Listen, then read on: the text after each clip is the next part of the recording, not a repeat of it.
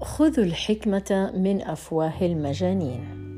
نعم، هذا صحيح. أحيانا قد تحصل على نصيحة في حياتك، وأفضل نصيحة قد تأتي على لسان شخص مجنون أو امرأة تعاني اضطرابا عقليا.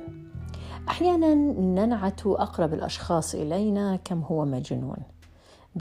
وهذا يعني بأنه شخص لديه الجرأة على اتخاذ ما لا يقوم الآخرين باتخاذه والقيام به.